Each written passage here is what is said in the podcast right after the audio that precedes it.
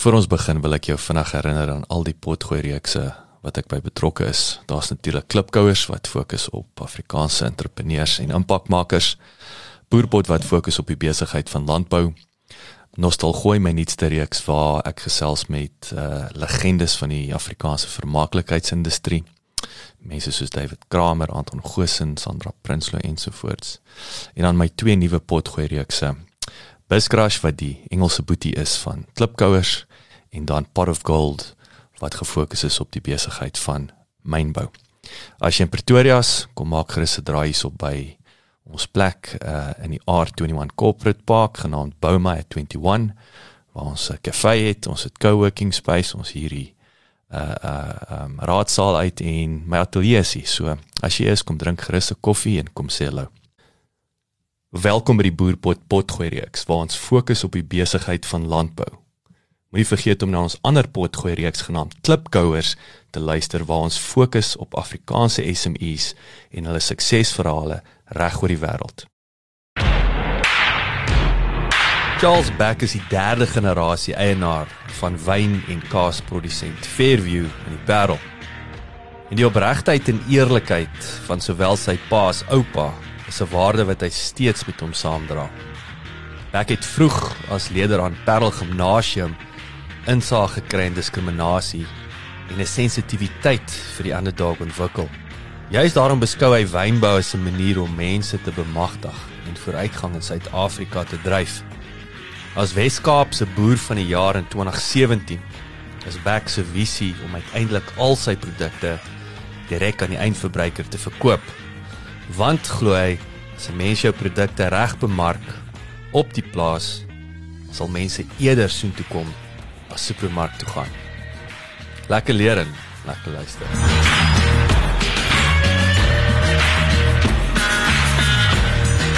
Charles, verskriklik dankie vir jou tyd. Dit is 'n groot voorreg om met jou te kan gesels. Ek het uh, as jong student toe ons gaan rugby speel het in Stellenbosch. Ek dink is een van die eerste wynplase waar ek waar die bus gestop het was by Fairview en ons het natuurlik al jou kaas samples opgevreet daai tyd en geen wyn gekoop of kaas nie. Maar dit is 'n groot voorreg om met jou te kan gesels. Baie dankie vir die uh, geleentheid om met jou te praat. Vertel ons asseblief jou storie. Jy weet waar het alles begin? Ek het 'n interessante ding wat my oog gevang het. Jou familie kom oorspronklik van Lithuania af sien ek. Ek is baie lief vir, vir Lithuania, maar vertel ons 'n bietjie waar het alles begin en die pad wat jy gestap het waar weet waar ons nou gesels. Ja, dis 'n redelike lang storie en uh, ek bly in jy verwys na Litoue toe. My oupa, ook genoem Charles, het van Litoue af Suid-Afrika toe geëmigreer so 1901 na rond. En hy het begin werk in Kaapstad in die dokke om klippe aan te dra om die hawe muur te bou. En uh, toe hy in die middestad werk gekry in 'n slaghuis. En hy was maar wat hulle noem in daai dae butcher boy. So hy het die slaghuis skoon gemaak vleis afgelewer op 'n bicycle in die in die stad en hy het hom stadig opgewerk en daai dae het hulle 'n botter ingevoer van Nieu-Seeland en dit gekom in 'n houtkrat van 100 pond en sy een werk was om die 100 pond blok op te sny in 100 enkel ponde. En ek dink hy het dit so goed gedoen hy het 103 blokke botter uitgekry en uh, dit die oog gevang van die eienaar van die slaghuis en die eienaar het met my oupa gepraat en hy sê hy het geleenthede nodig in sy lewe. En hulle het toe my oupa gefinansier om 'n slaghuis hier by Parelstasie oop te maak. En gedeelte van die deal was dat my oupa die vleis sou koop dan by hoofkantoor in Kaapstad. Die probleem die vleis het met die melktrein aangekom in die Parel en my oupa moes 4 uur die oggend afgegaan stasie toe. En daai daai was die standaarde nou nie soos dit vandag is nie. Ja. En hy het vleis verkoop aan die plaaslike boere en die gemeenskap en so het hy baie bevriend geraak met die Lou familie van destyds van Babylon Storing en hulle het baie gesels oom Lou en my oupa en die eienaar van Babylon Storing destyds eienaar het my oupa gesê van 'n stuk grond wat die Markus uh, net langs Babylon Storing en my oupa het toe daai plaas gekoop wat sy naam is Backsburg wat Babylon Storing gewees klein Babylon Storing. Hy het dit gekoop in 1916 en hy wou altyd geboer het. Ek weet nie waar daai nik in hom gekom het hy wil regtig geboer het. En hy het begin boer op klein Babylon storing en hy geweldig sukses behaal. En ek dink dit was nie 'n paar jaar na hy begin wyn maak het hy het hy die generaal Smuts trofee vir die beste wyn in Suid-Afrika gewen. So hy het 'n talent en aanvoeling gehad daarvoor. En hy het twee seuns gehad, Sydney, my oulede oom en my oulede pa Cyril. En albei wou ook geboer het. En Sydney het die ou familieplaas geërf en hy moes in 1937 moes hy Fairview gekoop het by die Hugo familie. Het hy Fairview gekoop en my pa het hier begin boer in net na sy dood in 1955. Ek het aangesluit in 78, so dis nou meer as 100 jaar, so 120 jaar wat ons betrokke is in boerdery in die Wes-Kaap. Dit dis 'n ongelooflike storie, maar ek wil teruggaan. Wat het jou oupa Letoue laat verlaat? Want dit is nou interessant, ek het nou die dag gesels met David Kramer, nê, nee, wat natuurlik ook se familie van Natal afkom. So dit was vir my interessant. Ek wil dis 'n drastiese sprong. Jy weet Europa na Suid-Afrika toe. Wat het dit gedryf?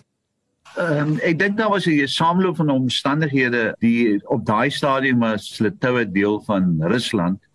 En soos jy weet, ons is 'n Joodse familie en die Russiese owerhede het gediskrimineer teen Joodse kinders en deel van die hele proses was dat jy in Siberië in die Russiese weermag gewees het vir 5 of 6 jaar sover ek onthou. Hmm. Dis die een ding diskriminasie dink ek was die een groot faset en dan die ekonomiese realiteit van Litaue op daardie stadium. My oupa grootjie het 6 kinders of 7 seuns gehad. Ek is nie 100% seker nie en hy was 'n meelenaar. Hy het 'n groot meel gehad wat oor 'n rivier gebou was wat deur die water aangedryf was.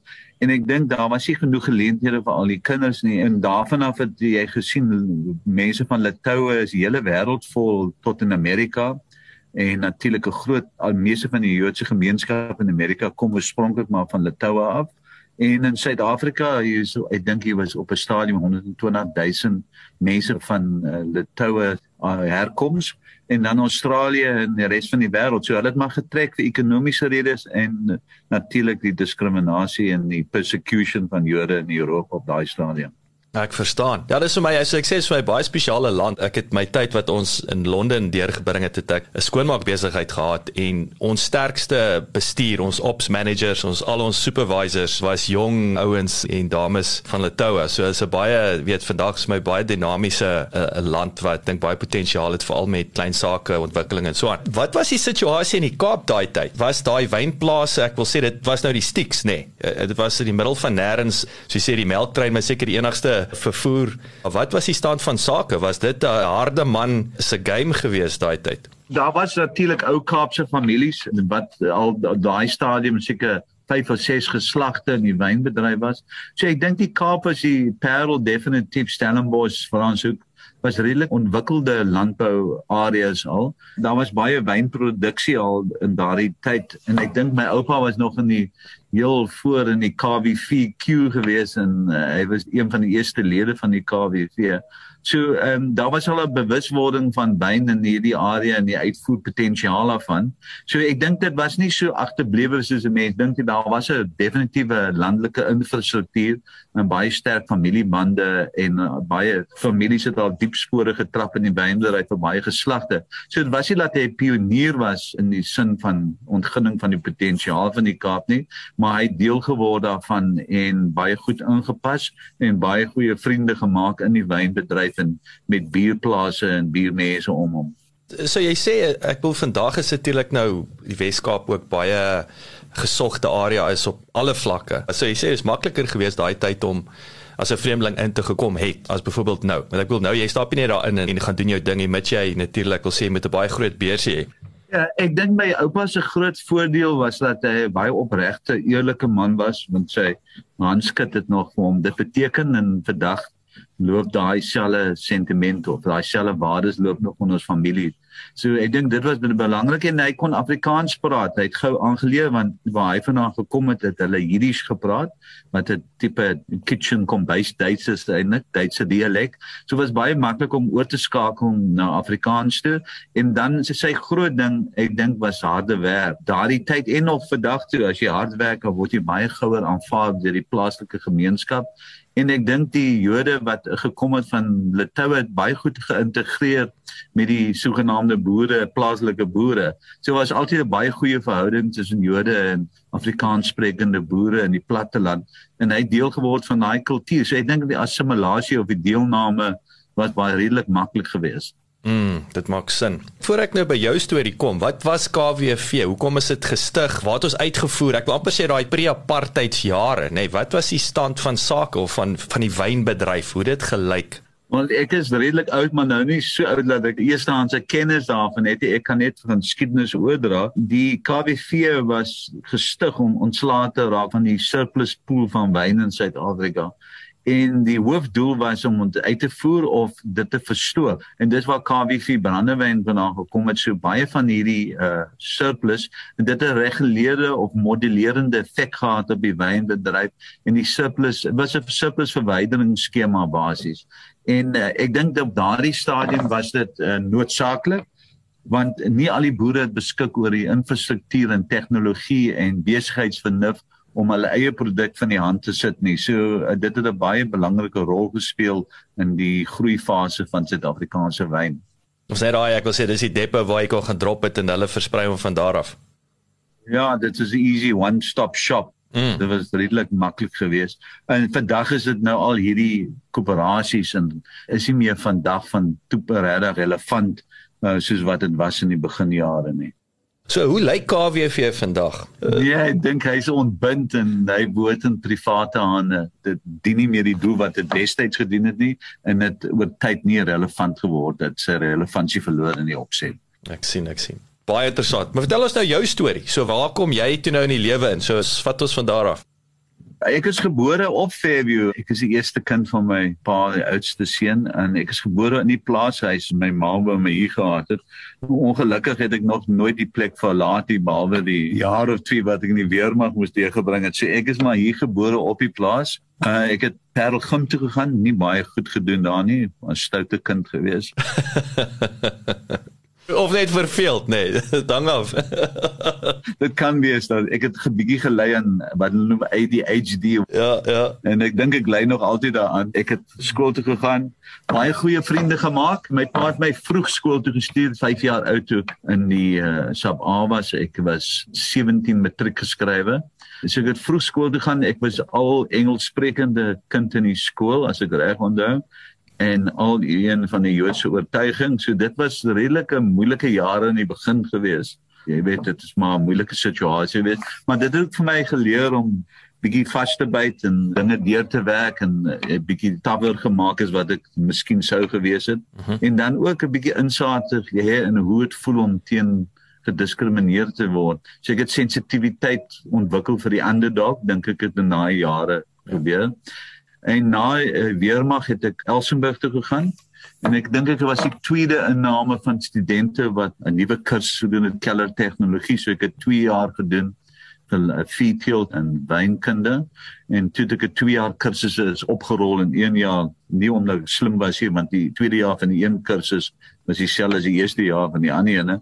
So ek het dan 2 jaar keller tegnologie gestudeer So dis altesaam 3 jaar. En toe gaan werk ek by uh, Perdeberg Koöperasie onder baie bekwame wynmaker Joseph Huskisson wat nou ongelukkig al oorlede is. En daar het ek geleer van groot maat wyn maak en goed organiserende keller. En ek het net begin as 'n jong ou daar en uh, so maar na 2 of 3 weke toe in die parstyd het Joseph my die hele keller laat bestuur en hy het my gelos na 'n week of twee het hy my amper alleen gelos en dit het vir my baie geleer hoe om 'n wyn te maak, druk te hanteer, kwaliteit te kry onder moeilike omstandighede en die tegnologie van wyn grootskaalse wynbereiding. En toe sluit ek aan by my pa in 78 na die parstyd. Touchwood ek kan ek nog nie 'n dag werk gemis van daai tyd af tot vandag toe nie. Kelder tegnologie is krities ten einde wyn van die hoogste gehalte te produseer. Slegs die slim aanwending daarvan kan egter die beste uit drywe haal.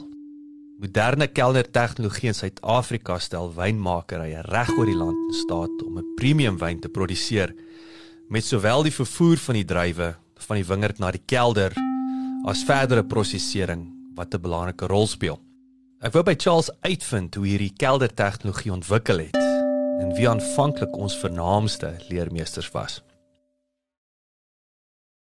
Ek dink dit is baie geskry op die Duitse instituut wat hulle noem Geisenheim. Dis ook 'n tipe wynskool waar jy kelle tegnologie doen. Ek dink baie van Suid-Afrikaanse studente voor daai tyd het Geisenheim toe gegaan. Byvoorbeeld my goeie vriend van my Dani de Wet van de Wetsof. Ek dink hy het daar gestudeer. Ek dink die kursus in Elsenburg was maar baie meerendeels geskryf op wat in Geisenheim gebeur het. So hulle was historiese voorloper, is dit nog steeds die geval wanneer dit by hierdie opleiding kom?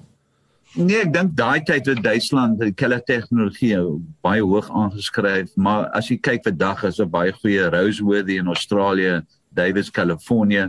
So daar's instituut in wynskole hele wêreld vol. Self in Engeland is daar baie goeie een op die oomblik wat nogal snaaks is. 'n Groot gedeelte van Suid-Afrikaanse die renessans van Suid-Afrikaanse wyn was eintlik gedryf deur Duitse tegnologie. Jy het gekry mense soos Günter Brüsel wat Niederburg toe gekom het, Willie Hacker wat die KWV se hoofwynmaker was en so kon jy maar gekyk het in die Suid-Afrikaanse wynbedryf was daar heelwat vooraanstaande wynmakers wat hulle opleiding in Duitsland ontvang het en dit het ons wynbedryf op 'n tegnologiese vlak 'n groot rol gespeel en mense besef dit eintlik nie as dit kom by keller higiëne dissipline baie van dit kom uit invloed wat ek dink studente van Geisenheim of Duitse wynmakers in Suid-Afrikaanse wynbedryf 'n rol gespeel het Ek neem aan ook die wynplase pragtig geposisioneer het vir uitvoere, nê, nee, want omdat daai standaard so hoog was.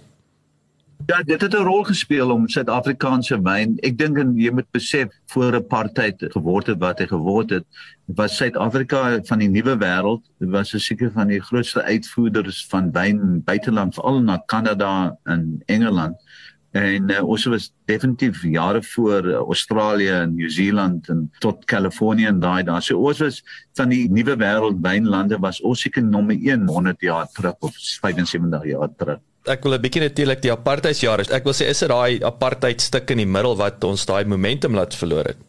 Ja, definitief. Ek dink van meeste produkte kan 'n mens sê wyn is die mees sensitiefste een as hy polities besmet is of besoedel is en jy sit 'n bottel wyn op 'n tafel en jy sien made produced in South Africa dan domineer die apartheid die gesprek om die tafel baie gou.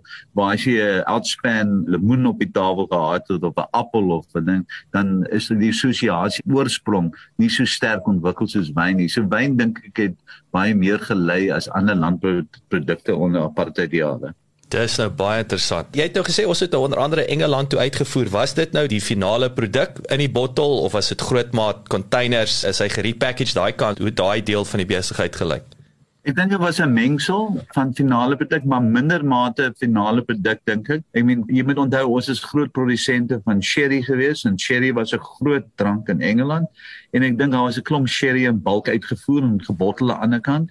Uh port het ons ook baie gemaak en brandewyn natuurlik baie en dit meestal van die KWV af gekom. Dink Suid-Afrikaanse brandewyn en sherry was seker van die grootste verkopers van die nuwe wêreld in byvoorbeeld Engeland en Kanada en daai daar. Is daar 'n rede vir dit? Is dit nou maar net omdat dit 'n superior produk was? Was dit uniek in terme van die die produksie? Ek sherry was 'n baie groot produk in Engeland eh, baie jare terug. Dit kom nou weer terug in mode.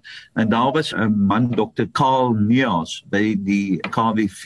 Ek het hom toevallig geken as 'n jong seun, het hy baie op die plaas kom kuier by my pa. En hy het Spanje toe gegaan en om sherry te maak het jy 'n spesifieke gis nodig eh, wat eintlik as 'n kim bo op die wyn groei in die vat en noem dit floor F L O R. En uh, hy het van dit ingesmokkel van van uh, Spanje af en hier kom gebruik in die KWV en KWV uitstaande sherry kwaliteit van internasionale kwaliteit gemaak. En dit het 'n hele bedryf begin. Baie interessant Ek wil vinnig stil staan. Ek wil nog by Nederburg het ek vir jou 'n vraag, maar ek wil net by die port wat vir my fascinerend was. Ek is 1 jaar is ek Porto toe en ek het nooit besef weet wat nou vir my fascinerend was. Ek dink by die Amerikaanse Civil War, hulle moes nou vir die Britse soldate wyn oorgestuur van Porto af of van Portugal. Dan word hy goed vrot en en toe kom hulle agter hulle sal brandewyn ingooi want hy rak leeftyd, nê, nee, en daar's word port gebore. Is dit die storie van port? Is dit so eenvoudig soos dit of het hy ander wortels wil ek sê?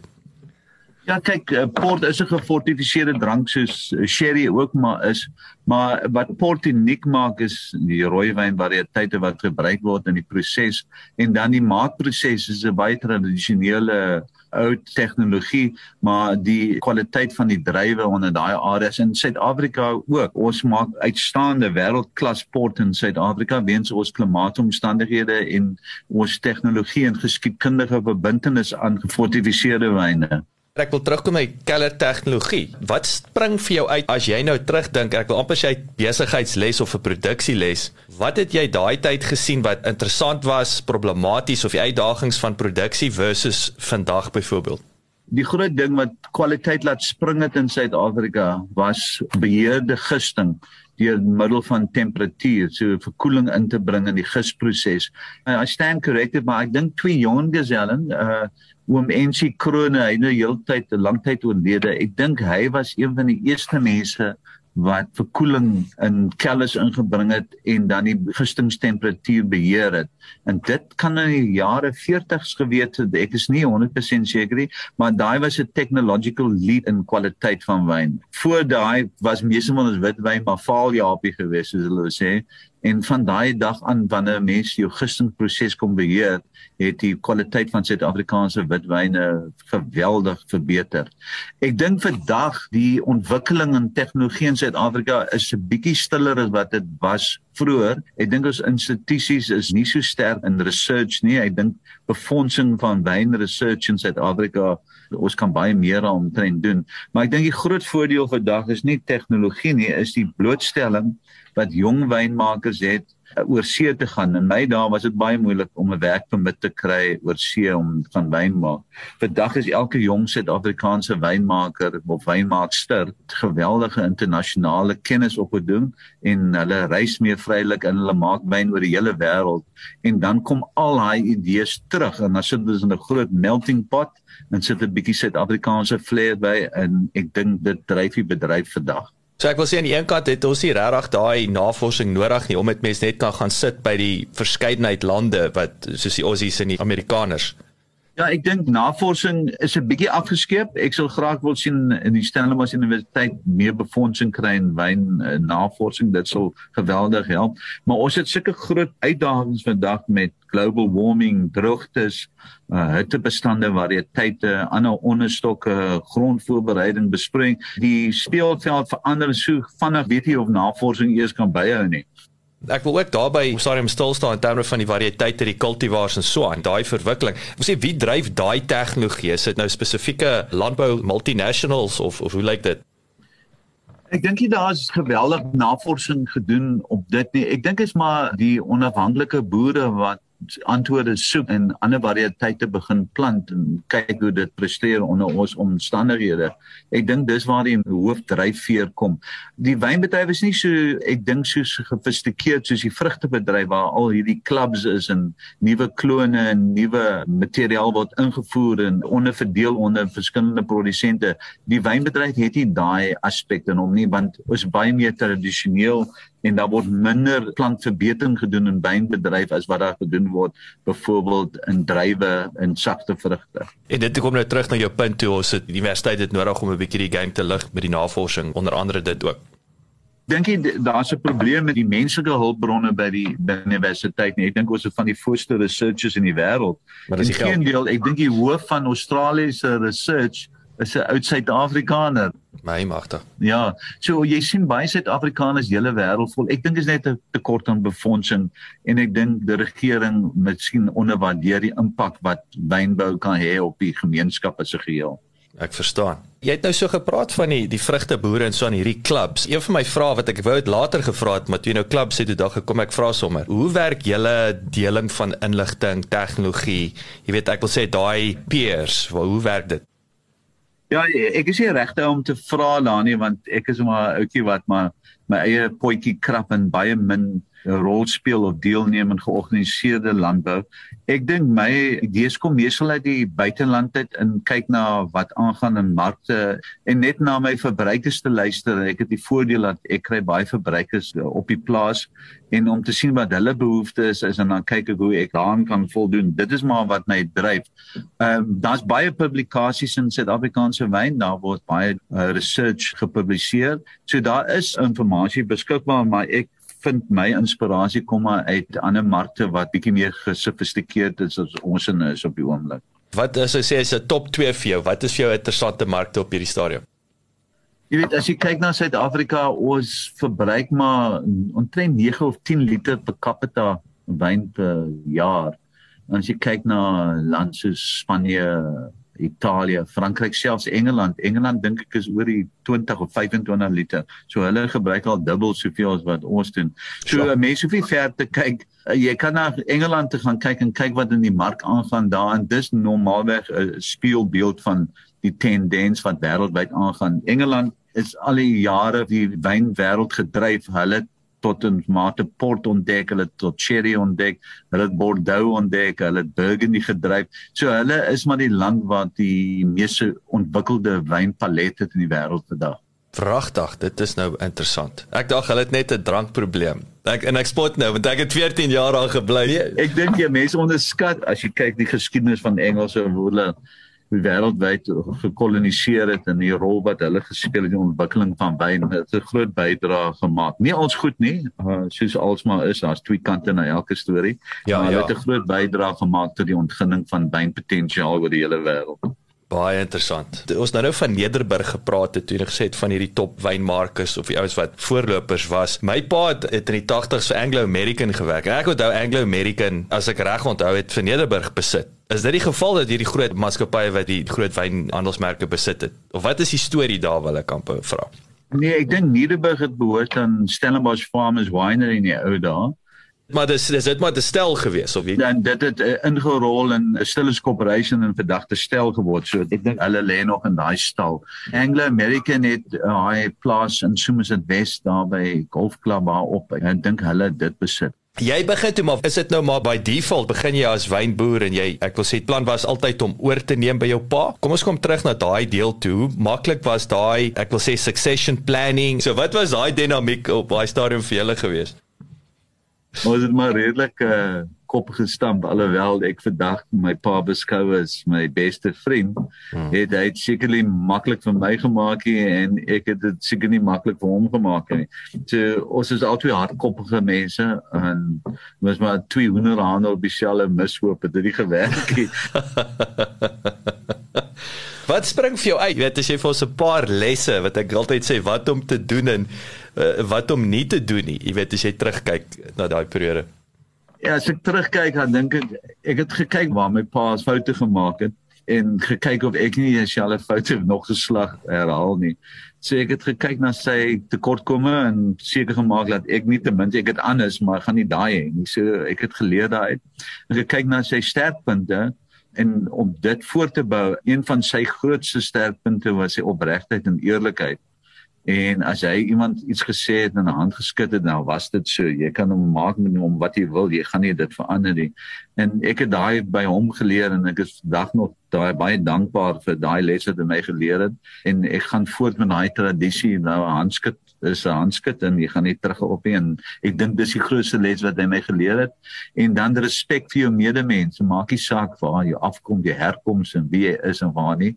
Altyd tyd hê vir jou medemens en dis twee waardes wat ek my saamdra vandag en dis baie meer werd as enige les van wynmaak of wingerdbou of boerdery. Hoe gaan jy te werk? Want dit is vir my daai handskit jy weet dis altyd dat jou ja jou ja wees jou nee jou nee. Enigiets anders kom vir die duiwel af nê so Hoe benader jy daai in die 21ste eeu wil ek sê? Jy weet in terme van verskaffers. Ek wil sê hoe merge jy daai 100 bladsy kontrak vir service level agreement met daai handshake? Wat is daai komplikasies wil ek sê wat daarmee gepaard gaan? Ja, dit raak meer complicated soos tyd aan beweeg. Dis verseker en mense geheue is nie altyd meer so goed nie en jy kon iets gesê het wat jy van vergeet het. So dis 100% waar. Ek dink om so informele besigheid te bedryf soos ek dit wil bedryf, moet jy jou swakhede aanvul met mense wat baie sterker is in administrasie en regsgeleerdheid as wat jy is. So ek maak seker dat ek 'n span om my het. Nou nou nie 'n baie groot span nie maar 'n gedigte span wat al daai tekortkominge wat ek het aanvul en gesamentlik dit maak dit dan sin uit. Hoe gaan jy te werk met daai ek wil sê daai recruitment proses oor die jare? Hoe het jy seker gemaak jy het die beste in daai ek wil sê daai binnekring? Ek het nie 'n formele proses regtig van recruitment nie. Ek identifiseer mense en ek hou hulle dop en ons paadjies kruis en as ek weer sien, is sluit hulle maar aan by my. Ek is baie gelukkig gewees op daai front. Ek dink my enige sterktepunt wat ek regtig het is om kwaliteit mense aan te trek en ek dink dit is wat Fairview maak wat ek vandag is. Selfs na die beëindiging van apartheid in Suid-Afrika, het die beleide van die eertydse regime steeds 'n beduidende impak op ekonomiese groei gehad. Navorsing het getoon dat apartheidsbeleide onvoldoende belegging in sowel fisies as menslike kapitaal tot gevolg gehad het. En dit tesame met hoë vlakke van staatsbesteding het bygedra tot Suid-Afrika se swak groei gedurende apartheid. Daar word selfs beweer dat apartheidsbeleide lae produktiwiteit en oneffektiewe aanwending van insette veroorsaak het. Maar Suid-Afrika se oorvloed van natuurlike hulpbronne kon hierdie effek tot 'n mate verbloem. Volgens Charles het die wynbedryf in besonder kwai skade gely tydens die apartheid era. Ja, dis 'n baie complicated vraag met 'n klomp verskillende antwoorde en goed. Ek dink die groot ding van apartheid, vergeet nou van die menslike impak op mede-Suid-Afrikaners, ons praat spesifiek net van wyn, was amper die tot die stilstand van nuwe tegnologie, blootstellings internasionale markte blootstelling van oorseese kopers wat hierso aankom. Kyk van die grootste leermeesters wat 'n mens kan kry is van 'n wine buyer, sogenaamde wine buyer, is van 'n groot supermark soos hmm. byvoorbeeld Tesco yeah. Ja. of Sainsbury's of whatever. Die interaksie met daai mense is van ongelooflike waarde om te sien waar die mark heen migreer of. So ons het hier geheel onneem van daai voordele en net feit dat jy nie kon werk oor see en kelders en die stigma verbonde aan jou as naam. As jy kom by 'n plek hier van Suid-Afrika dan spandeer jy 'n halfuur om niks te verdedig nie om te verduidelik wat jou standpunt is hmm. en dit sit jou heeltemal op die agtervoet. So ek dink die hele bedryf het ingekrimp en so 'n blootstelling amper gekwyn onder apartheid en toe Nelson Mandela uit die tronk het gekom in die Parel. Hy was 'n Victor Verster in die tronk gewees. En toe gaan ek nog om daai dag af met my motorbike tot 10 en 1 want ek geweet die cavalcade gaan deur die plaas ry my plaas loop tot die N1. Toe ja. staan ek teen die draad by die N1 en toe sien ek hier gaan die karre almal verby en die ligte en goed. En toe besef ek daai dag dat Suid-Afrika verander het van daai oomblik aan en ek wil regtig deel wees van I want to be part of the solution not part of the problem. Ja. En ek het baie gesien dat wyn en wynbou en diensneming van mense en opleiding van mense 'n groot rol kan speel om mense se lewens te verander. So ek sien nie net wyn as 'n produkkie, ek sien wyn of landbouprodukte as 'n manier om mense te empower en progress te dryf in ons bedryf. Kom staan stil daarby. Jy weet, ek wil sê wat lekker is van julle industrie is daai arbeidsintensiteit, nê, nee, wat jy kan werk skep en so aan. So vertel ons 'n bietjie wat aan die gang is daar. So hoe lyk die dinge op die plase en so aan? Kyk, als is nie 'n uh, moonshine and roses nie. Daar's baie challenges. Ek dink landbou is een van die aktiwiteite in Suid-Afrika wat 'n grootendeels 'n rol kan speel in die werkloosheid bietjie te verlig want ons kan dan ongeskoelde arbeid invat waar ander industrieë moeiliker dit kan doen. Ons kan mense skills leer om dinge te snoei of onkruid te beheer whatever. Landbou is 'n plek waar mense baie mense in diens kan neem wat nie die geskoolde arbeid is nie en dit is meerendeels 'n probleem in Suid-Afrika. Ons sit met baie ongeskoolde mense.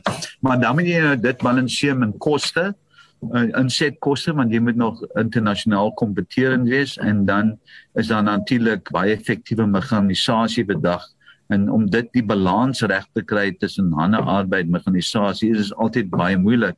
En 'n mens moet oppas dat ons nie ons arbeid weens die surplus daarvan nie te duur word nie en dan skakel mense net oor na mekanisasie.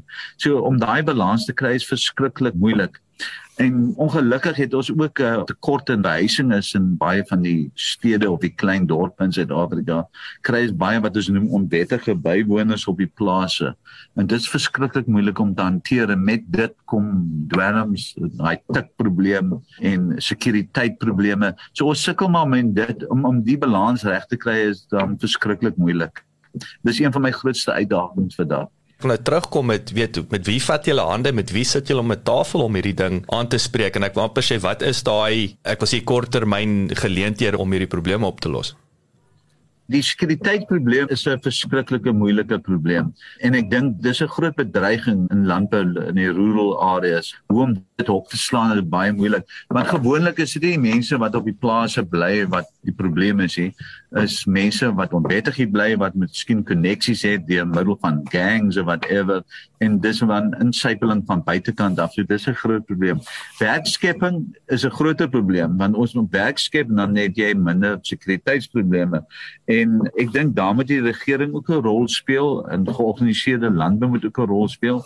En moet regtig kyk of ons miskien verslapping van indiensnemingsvereistes 'n bietjie kan verslap. Laat dit makliker maak om mense in diens te neem en ook makliker maak om van mense wat jy nie meer nodig ontslae te raak. Sodra iemand in diens geneem het, is dit 'n lewenslange verhouding en dit is nie noodwendig wat reg is vir landbou nie. Veral nie daar by julle wat jy so seisoonaal is, nê, nee, met presies daai ekstreme arbeidsbehoeftes. Ja, ek het ek was van die hoogpunt vir al die jare dat ek net permanente werkers in diens wil neem.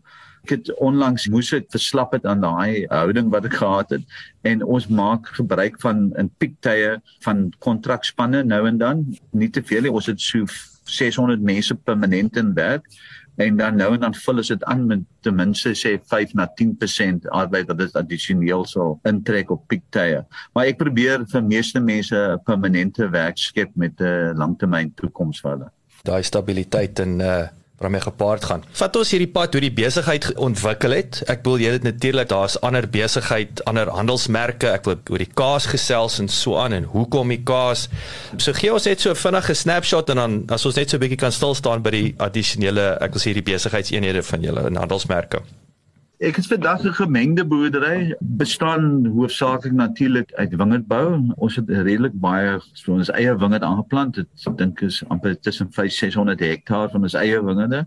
En data is vir risiko vir diskonteer in verskillende areas soos in Darling en Mamasbury, Parel en Stellenbosch waar soos eie wingerde het wat nie noodwendig 'n goeie model is nie want jy verloor 'n bietjie van jou flexibility. Maar as 'n mens net drywe aankoop wat jy nodig het ek moet drywe vat wat ek miskien party dan nie 100% nodig het nie maar dis hoe dit is.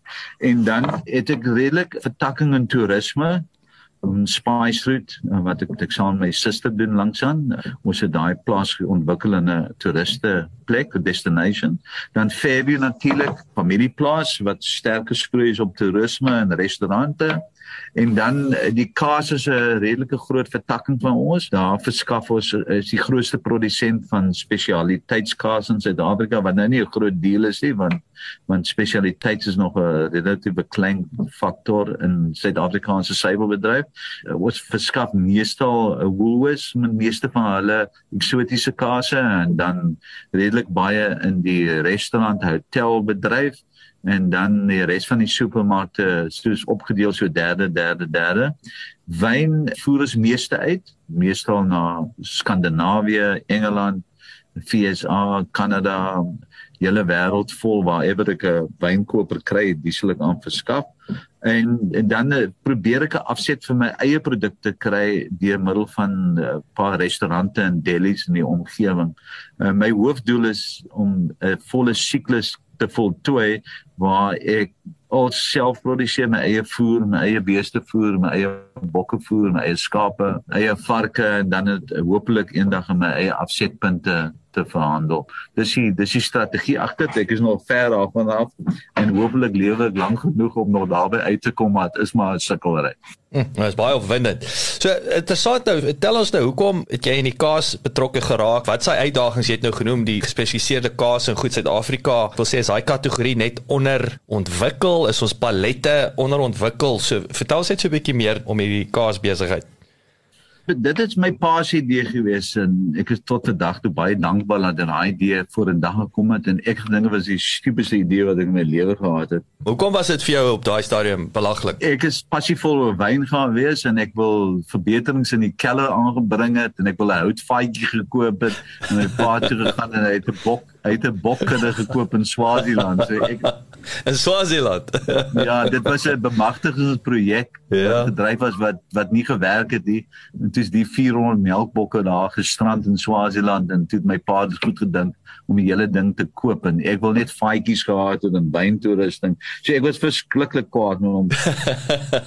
ek onthou nog die dag baie goed die 400 bokke hier op Fairview se werf en 'n trok aangekom het en ek dis die einde van my lewe. En toe hy begin kaas maak, te bou hy sommer 'n klein kaasfabriekie, so 'n klein dingetjie soos 'n kombuis en hy het 'n melkstal opgesit vir die bokke en dit was een gemors geweest, regtig, was verskriklik gesukkel. En ek onthou eendag toe kom my pa na my toe smeer hy 'n heuning op my bek. Hy sê my ek is tegnologies baie meer aangelê as hy sal ek asseblief die kaasmakery oorvat nê okay ja. en toe sê ek ja en dit was die grootste hospital pass wat ek in my lewe gekry het. Uitgevang. Hy het net agtergekom nee hel hier is hier is te moeilik en ons kom nie verder nie. Dit was verskriklik geweest. Ek het 4 hierdie oggend dan bring nou afgaan na die kaasfabriek toe. Dan bring nou eers die melk wegwerk en kaas maak en ek het niks geweet van kaas maak nie behalwe 'n boekie wat my pa my gegee het. Dit was so 'n Franse boekie en ek moes dit laat vertaal het. Gelukkig was in die Parel 'n mooi meisie wat Frans kon praat. Ja. Dit sê dan die boekie help vertaal en daar was een paragraaf in die boekie wat ek nog onthou, steek uit in my geheue. Dit was die maladies de fromage, die siektes van kaas en Ons het net vyf siektes wat kaas kon gekry het en ek kan jou verseker ek het al vyf van hulle raak geslaan. Dit was terrible geweest. maar net so om vinnig daar en ek weet dit is 'n tegniese jy weet ek wil sê dit is nie 'n eenvoudige produk nie. Wat is daai goed wat kaas siek maak? En ek wil sê wat moet jy doen om dit te veroorsaak?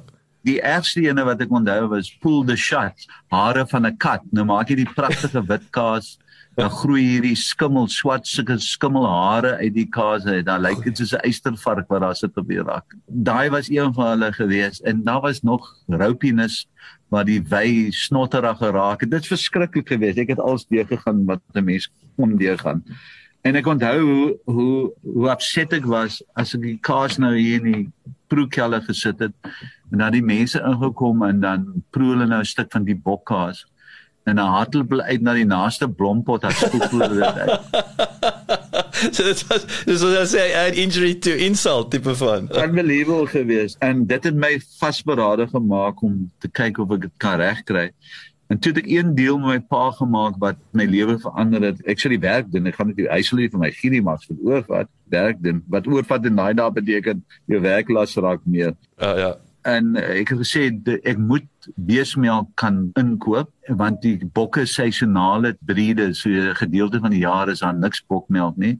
En die mark in Suid-Afrika vir vir bokmelk op daardie stadium was niemand wou gehad het nie want daar's 'n negatiewe assosiasie gewees veral onder Afrikaanssprekendes waar hulle van die Karoo af gekom het op landelike gebiede laat die kaas na bokkeram gelyk het jy weet. So dit was 'n groot negatiewe tot vandag toe hoor ek dit nog altyd. Toe ek nou beesmelk begin inkoop en hoe dit gedoen ek het 'n plastiek tank een van daai Jojo tanks het net uitgekom op 'n 1 ton uh, Hilux bakkie gesit en dan het ek hier by my buurman 400 liter 'n dag gekoop op Saminaka en, en so dit begin en toe het ek stadig omgeswaai in beesmelkkaas en spesifiek net Jersey melk gebruik en uh, ek dink vandag party maande vat ons 'n miljoen liter in 'n maand al Pragtig. Dit het gegroei van daai bietjie tot waar ons vandag is, is ongelooflik. Ek dink my eerste maand van verkope Dit was in Desember gewees het ek 10000 rand se kaas verkoop in die maand. Ongelukkig, ek weet nie hoe dit gebeur nie. Daai volgende Januarie af het ek 12000 rand se returns gekry. Vrag. Haai. Twee tree tree voor en drie tree terug. ja, so dit was skrikkelik. Maar ek het aangehou en uh, ons het ek dink paar jaar terug het ek die goue medalje gewen in internasionale kaaskampioenskap in Londen vir Camembert in die hele wêreld. Ons het dit 3 keer daarna ook verower. So ons het Suid-Afrikaanse kaas maak gehelp om op die voorpunt van wêreldkaas te sit. 'n Goeie journey gewees, maar ek moet gou by sê as dit was dat ek die regte mense baie gou in plek gesit het. Ek het 'n jong kaasmaker wat by Simonsberg destyds gewerk het. Hy het al die werk gedoen, niks shine gevang daar nie. Het ek hom genader en hy se naam is Louis Lawrence. Ek dink hy's nou al by my vir oor die 30 jaar. Uh yes, wat hy die besigheid gebou het en daar was 'n ander jong meisie, sy was jonk, sy's nou uh, nie so jonkie. Sy's maar ryke tretter, sy het ook by my aangesluit en 'n paar ander mense intussen hulle het hulle die kaasbedryf gebou tot waar hy vandag is. Dit is weer in die regte plekke, die regte mense in die regte plek sit. En en ek wil jou hart en siel is nog steeds eerste keuse sal altyd wil sê wyn bly of hoe voel jy vandag oor kaas? Ek wil sê is dit 'n close second of hoe Dis 'n interessante vraag. Ek het dink baie daaroor en ek toe ek teruggegaan Litoue toe. Ek het 'n paar jaar gelede die geleentheid gehad om terug te gaan en toe besef ek ek doen presies wat my oupa grootjie vandag doen. Ek voeg net waarde by landbouprodukte en deur daai waarde by te voeg, voeg jy waarde by mense. So ek dink dit is wat ek doen en dit maak nie saak as jy vir my balie gee en dan maak ek jou bier, as jy my melk gee, maak ek jou kaas, as jy my druiwe gee, dan maak ek jou gou wyn. Wat ek doen is waarde toevoeg tot landbouprodukte die gespesialiseerdheid ek wil terugkom daarso vinnig is ons palette nog kort hulle nog 'n bietjie opvoeding? Jy weet die gespesialiseerde kaaskategorie net nog te klein. En natuurlik die uitvoermark is dit maar ook die top prioriteit ek het so 'n paar jaar gelede seker baie jare ek dink was die dairy board of ek kan nie eens onthou wie hulle was jy my gevra om 'n toespraak te lewe oor kaas en toe gaan doen ek te weet nie wat om te sê nie want ek is nie baie goeie kaasmaker ek het gaan ek 'n bietjie en kyk die verhouding tussen wynverbruik en kaasverbruik wêreldwyd. En ek het agtergekom die hele wêreld as jy 50 liter wyn se verbruik 'n jaar gaan jy omtrent 25 kg kaas gebruik per jaar per persoon. So was ongeveer die helfte in kilos versus die liters. In Suid-Afrika op daai stadium was ons 9 liter wyn as ek reg onthou, maar ons het net 3 kg kaas. So Suid-Afrika was ver agter die wêreld tendens as dit kom na die verhouding tussen wyn en kaas verbruik. En as jy kyk na ek dink vandag is 80% van die kaas seker nog cheddar en gouda, ek is nie 100% seker nie.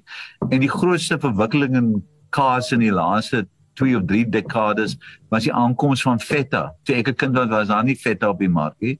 In Suid-Afrika met sy warm klimaat en baie slaaie en goed, het feta baie gou goeie opgroei getoon. Hmm. En met dit toe kom nou Camembert en Brie en dan blou kaas wat nou 'n bietjie sukkel op die oomblik, maar al die tipe variasies tussen daar is groei, maar ek sou graag dit baie vinniger wil sien. Ek dink COVID het ook 'n rol gespeel in kaasverbruik want baie mense het nou agterkom met baie maklik om jou kaas te gebruik. Power outages speel ook 'n rol. Jy hoef nie gaar te maak, jy kan net op 'n tafel sit met 'n mooi brood of uh, biscuits en 'n bietjie olyfolie en daai het jy 'n maaltyd. So ek dink kaas, eksotiese kaas definitief aan die groei op die oomblik. So dit is baie interessant. So ons is letterlik, soos jy vroeër gesê het, ons is die helfte in terme van ons wynverbruik en dan nou nog die helfte is ons nog agter met die kaas. So ons het 'n ongelooflike geleentheid dan as ek jou so luister, soos wat die wynverkope gaan toeneem. Ja, ek dink ook in Suid-Afrika onderskat is die rol van dairy in algemene bevolking. As jy kyk na ons tradisionele gedeelte van ons bevolking, dat meeste van hulle is melk 'n groot rol gespeel in hulle kultuur en hulle grootword en veral aangesuurde melk, kaas en yoghurt veral yoghurt en kaas behoort die natuurlike evolusie te wees en ek sien daar's groot potensiaal in die wye Suid-Afrika met veral kaas en gegiste melkprodukte. En natuurlik daai margins is gesond, nê. Nee. Ek wil sê die pinnacle van geld maak is daai twee produkte in die melkindustrie kom. Ek weet nie, ek maak nie geld nie, ek maak produkte en kry genotte uit. Uh geld maak is is very elusive in die ding. Die probleem vandag is natuurlik die stygende insetkoste. Hmm. As jy net kyk wat diesel doen en ja, en wat ja. arbeidkoste en verpakking en uh, ons maak baie staat op 'n ingevoerde komponent in die droëvoorraad en jy kyk die wisselkoers al speel 'n rol. So dit gaan nie alsoos geld maar jy kry dit wat jy doen en genot versprei tussen mense wat jou produkte geniet. Ja dit uh, is definitief baie belangrik ook. Jy het nou nou gepraat van Tesco Bayer en so aan en jy soek vir jou die buyers reg oor die wêreld. Hoe lyk daai proses? Hoe gaan soek jy 'n buyer? Dis nou advies kos sê vir enige ou produsent wat uitvoer ambisies het. En watse land se buyers spring uit? Kyk ons weer die retail buyers, weet jy, supermark. Ek sê altyd hulle is my opinie die mees gesofistikeerde buyers in die wêreld. Jy weet, baie wetenskaplik met hulle te werk gaan. Hoe gaan soek jy 'n goeie buyer? Eerstens en nommer 2 is watse tipe besigheid? Jy het nou Tesco as 'n voorbeeld genoem, spring vir jou uit wat jy sê nee, hierdie ouens is so 'n bietjie anders in die goeie sin van die woord. Dit hang natuurlik baie van watter tipe produsent jy is. As jy 'n klein boutique produsent of garagista soos hulle noem, wynprodusent is, dan soek jy glad nie 'n supermarket baie, moet vir hom uitlos, jy moet nie naby hom kom nie want dit gaan meer skade doen aan jou berokken aan jou handelsmerk. So dan moet jy jou independent wine merchant kry, jou tradisionele persoon wat nisprodukte verkoop aan mense wat versamelaars is en mense wat uitsoek restaurante wat iets wil aanbied wat die publiek nêrens anders te kry nie. So daar verkoop jy meer die storie. You sell the sizzle not the steak regtig daar so, ja, okay? Ja. Maar as jy nou weer groot persone is wat 'n klomp wyn produseer daar's baie van hulle, dan is jy genoodsaak om met die groot kettinggroepe te praat want aan die einde van die dag wêreldwyd verkoop hulle seker 70% van al die wyn wat verbruik word. So dan is jy genoodsaak om met daai groot mense te praat. As jy nou my grootte is wat tussenin is, is dit verskriklik moeilik om die regte kanaal te kies.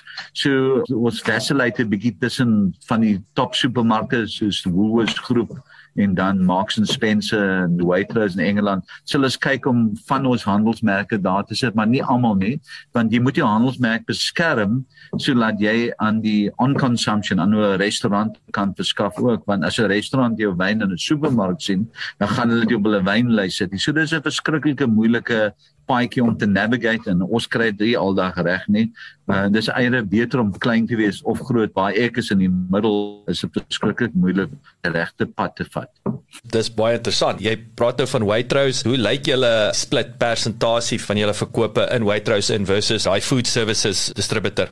Die aard van die saak sal Waitrose altyd baie makliker wees wat 'n houer op 'n slag en maar oor môre kan hy 'n houer op 'n slag van 'n ander produsent vat soos ek sal sê Fickelheim mark jy so goed soos jou laaste discount mm. die meer moeilike maar die langtermynmark is maar jou koffertjie met wyn op die sypaadjie rond te stap in Engeland en na 'n wine merchant na wine merchant gaan sit en jou produkte proe met hom en probeer verduidelik wat jy bereik en die storie verkoop aan hom laat hy dit weer kan oorverkoop of sy verkoopspan vir hulle bymekaar te kry en 'n aanbieding vir hulle doen. So jy moet jou passie oordra aan die mense wat die wyn verkoop op die straat. En dis al 'n manier wat jy handelsmerk oor langtermyn kan bou. Dis 'n harde pad, maar dis die langtermyn die beste manier om dit te doen. En soos jy sê, dis veilig ook. Is nie finetjie dat daai baier vervang jou oor môre omdat jy nou nie aanhou se se afslag wou gematch het nie ja, jy's regtig exposed to al daai markkragte wat jy nie oor beheer het nie. En vir my is die beste verkope wat ek het in my besigheid is die mense wat die moeite vat om ons plaas te kom besoek en ons proekelle te kom besoek en hier by ons wyn te koop. Dis nogal 'n redelike groeiende afset vir ons en dan skakel dit met online verkope ook in wat ook geweldig gegroei het in COVID. En nou 'n noemenswaardige deel uitmaak van ons verkope. En daardie 'n persoonlike verhouding met die eindverbruiker. En my langtermynvisie hopelik kry dit reg is om al my produkte direk aan die eindverbruiker te verkoop en soveel mense uitsny in die proses. Dit maak sin net daai marges is hoër en natuurlik soos jy sê jy kan daai jou storie verkoop nê nee, en ouens soek daai uniekheid en iets anders Ek stem saam nie die groot ding van stories moet autentiek wees, deursigtig en met integriteit gedoen word want as dit nie is, jy gaan nie verbruiker jou met tyd uitvind. Vat baie keer net lank, maar hulle vind hulle almal uit oor tyd. So die laaste vraag wat ek het nou gepraat van die publiek en so aan, jy gepraat van toerisme met jou sussie met Spice Route. Wat 'n fantastiese setup. Ek onthou, ek dink dit was 2017 was ons in Suid-Afrika met die familie en toe het almal gesê ons moet hierdie plek gaan uitcheck en ek voel dit was regtig indrukwekkend. Wat sien julle met agri-toerisme? Die ek dink die Europeërs is baie sterk met dit. Ek neem aan julle selfs met Fairview, daar's 'n agri-toerisme komponent wat daaraan gekoppel is. So hoe lyk daai wêreld? Wat is die geleentheid? Ek wil sê wat is daai lesse en uitdagings wat daarmee gepaard gaan? Ek dink agritourisme gaan 'n groeiende tendens wees so dinge voor ontwikkel want mense wil baie meer vandag sien waar hulle produk vandaan kom en verstaan wat in die maakproses van hulle produk ingegaan het. Mense is baie meer sophisticated vandag wat dit betref en hulle soek transparansie en hulle soek credibility en ek dink as 'n mens jou produkte reg bemark op 'n plaas, gaan mense in die langtermyn verkies om na 'n plaas te kom as om na 'n supermark toe te gaan. Dit is my gevoel en ons skryf ons hele besig 'n toekomsstrategie om rondom dit wat die verbruiker se behoefte om transparansie te sien en credibility en heritage en al daai goed. So ons glo definitief in die toekoms van agritourisme. En julle met nou wat interessant is met Spice Route wil sê is ook 'n boutique supermark as ek dit so iets kan noem, nê? Nee.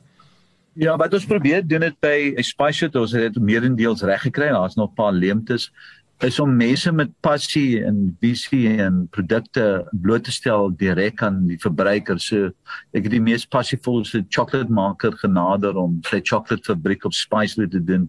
Die mees passievolle stoker, die mees passievolle brouwer en ons probeer artisanal produsente van unieke produkte direk in kontak sit met die verbruiker en die verbruiker dit kan sien hoe dit gemaak word en kan deel in die passie van die ou of die vrou wat dit produseer. So dis weer daai storie waarvan jy vroeër die sizzle wat soos jy dit vroeër genoem het. Ja, dit is maar my model. Uh, ons ons partykeer werk hulle, partykeer werk nie 100% uit nie, maar dan give up trying. Charles, dit was fantasties om met jou te gesels. Dit verskriklik dankie weer eens vir jou tyd. Dit is fascinerend. Ek wil net sê wel gedaan. Maak my uh, baie trots as 'n Suid-Afrikaner dat ons ouens soos julle het daaronder wat nie net plaaslik excellent is nie, julle skopgat internasionaal ook. So wel gedaan. Dankie, dankie vir jou tyd ook en dankie dat jy my gekies het. Ek waardeer dit, hoor. Groot voorreg gewees. OK, goed gaan kom kuier eendag as jy is, hoor. Ek sal dit definitief draai maak. Dankie Charles. My intussen tyd kan my wyn online koop, hoor. Beslis. Baie dankie dat jy geluister het. As jy gehou het van die episode, onthou asseblief om te deel met jou vriende en familie en baie belangrik teken sommer in dat jy op hoogte kan bly van al die nuwe episode. Besoek gerus ons Facebookblad @boerpot.